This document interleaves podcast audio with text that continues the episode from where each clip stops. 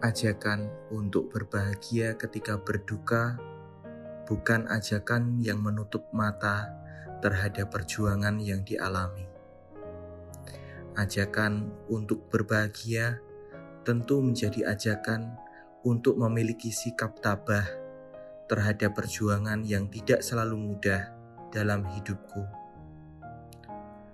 Terhadap hal-hal yang sulit, bukankah aku diajak untuk memaknai itu sebagai bagian dari perjalananku? Bukankah hal yang membahagiakan karena aku boleh memiliki perjuangan semacam itu? Dan bukankah sesuatu yang membahagiakan karena dengan mengalami perjuangan dan penderitaan yang ada, aku boleh memiliki dan menghidupi arti sebuah harapan Aku mengimani bahwa namanya perjuangan tentu tidak ada yang mudah. Menjadi bahagia berarti menjadi tabah. Tabah karena boleh berjuang, berarti boleh berharap.